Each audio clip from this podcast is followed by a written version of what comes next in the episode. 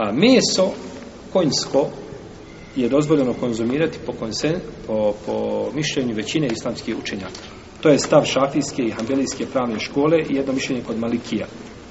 I stav većine ashaba i tabina i generacija nakon njih. Jer se navodi kod Buhari i kod muslima od Džabira radijallahu ta'ala da je rekao zaklali, rekao je zabranio je poslanik sa na dan Hajbera da se je, konzumira meso divlje i magaraca, a dozvolio konjsko meso. I došao kod Buhari kod muslima od Esme Bintu Abi Bekr radijallahu ta'ala anhuma da je kazala zaklali, zaklali smo konja u vrijeme poslanika sallallahu alaihi wa alihi wa sallame u Medini i pojeli ga.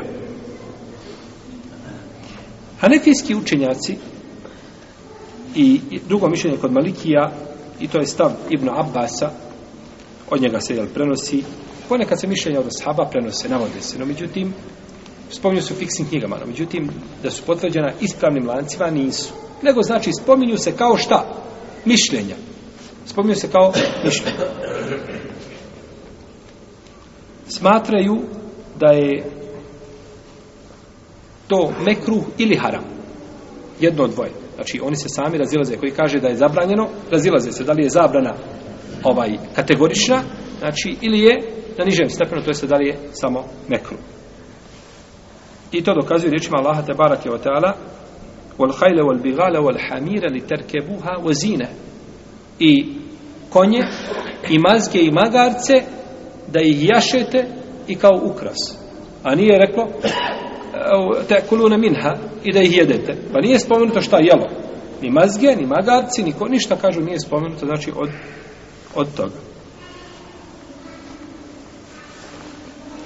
Međutim, ovaj ajet je objavljen u Mekki po konsensu učenjaka. Ajet je objavljen u Mekki po konsensu učenjaka. A ovo se je desilo u Medini, da su šta?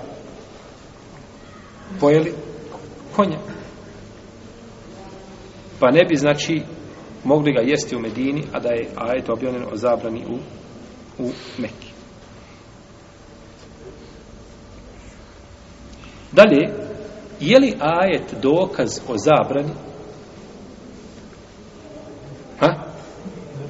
ništa uz konje i mazge i magarce da ih jašete i ukrasi spomenuto da zabrana jest ili ne nije spomenuto Spomenuto je znači jedna stvar zbog čega je uzvišen Allah to dao kao blagodat.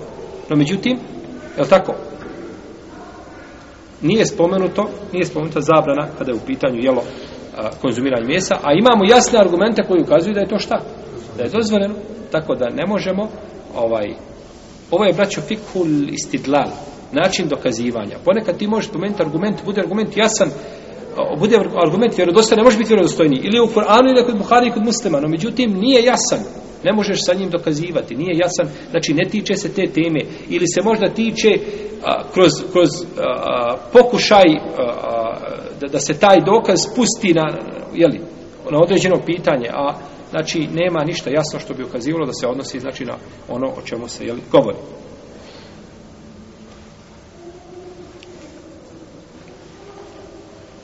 Došlo je od, prenosi se od Halida ibn Walida, radijallahu ta'ala anhu, jedan od rijetkih Halidovih hadisa.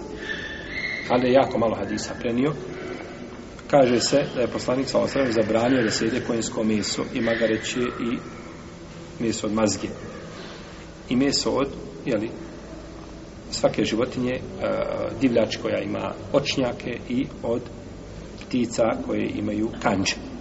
Međutim, hadis je daif bilježi ga Mavre Saju u svome sunenu i drugi hadis je daif i nije ispravan i pored toga on oponira vjerodostojnom sunnetu koji se nalazi kod Buharije i kod muslima. Kada bi, sama hadis kada bi, kada bi bilo ničemu, ne bi, kada ga ne bi oponirao, ne bismo sa njim mogli dokazivati, zato što je neispravan.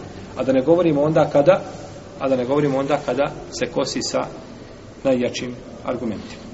Tako da ispravno mišljenje džumhura u Leme da je konjsko meso mubah, mubah da se jede.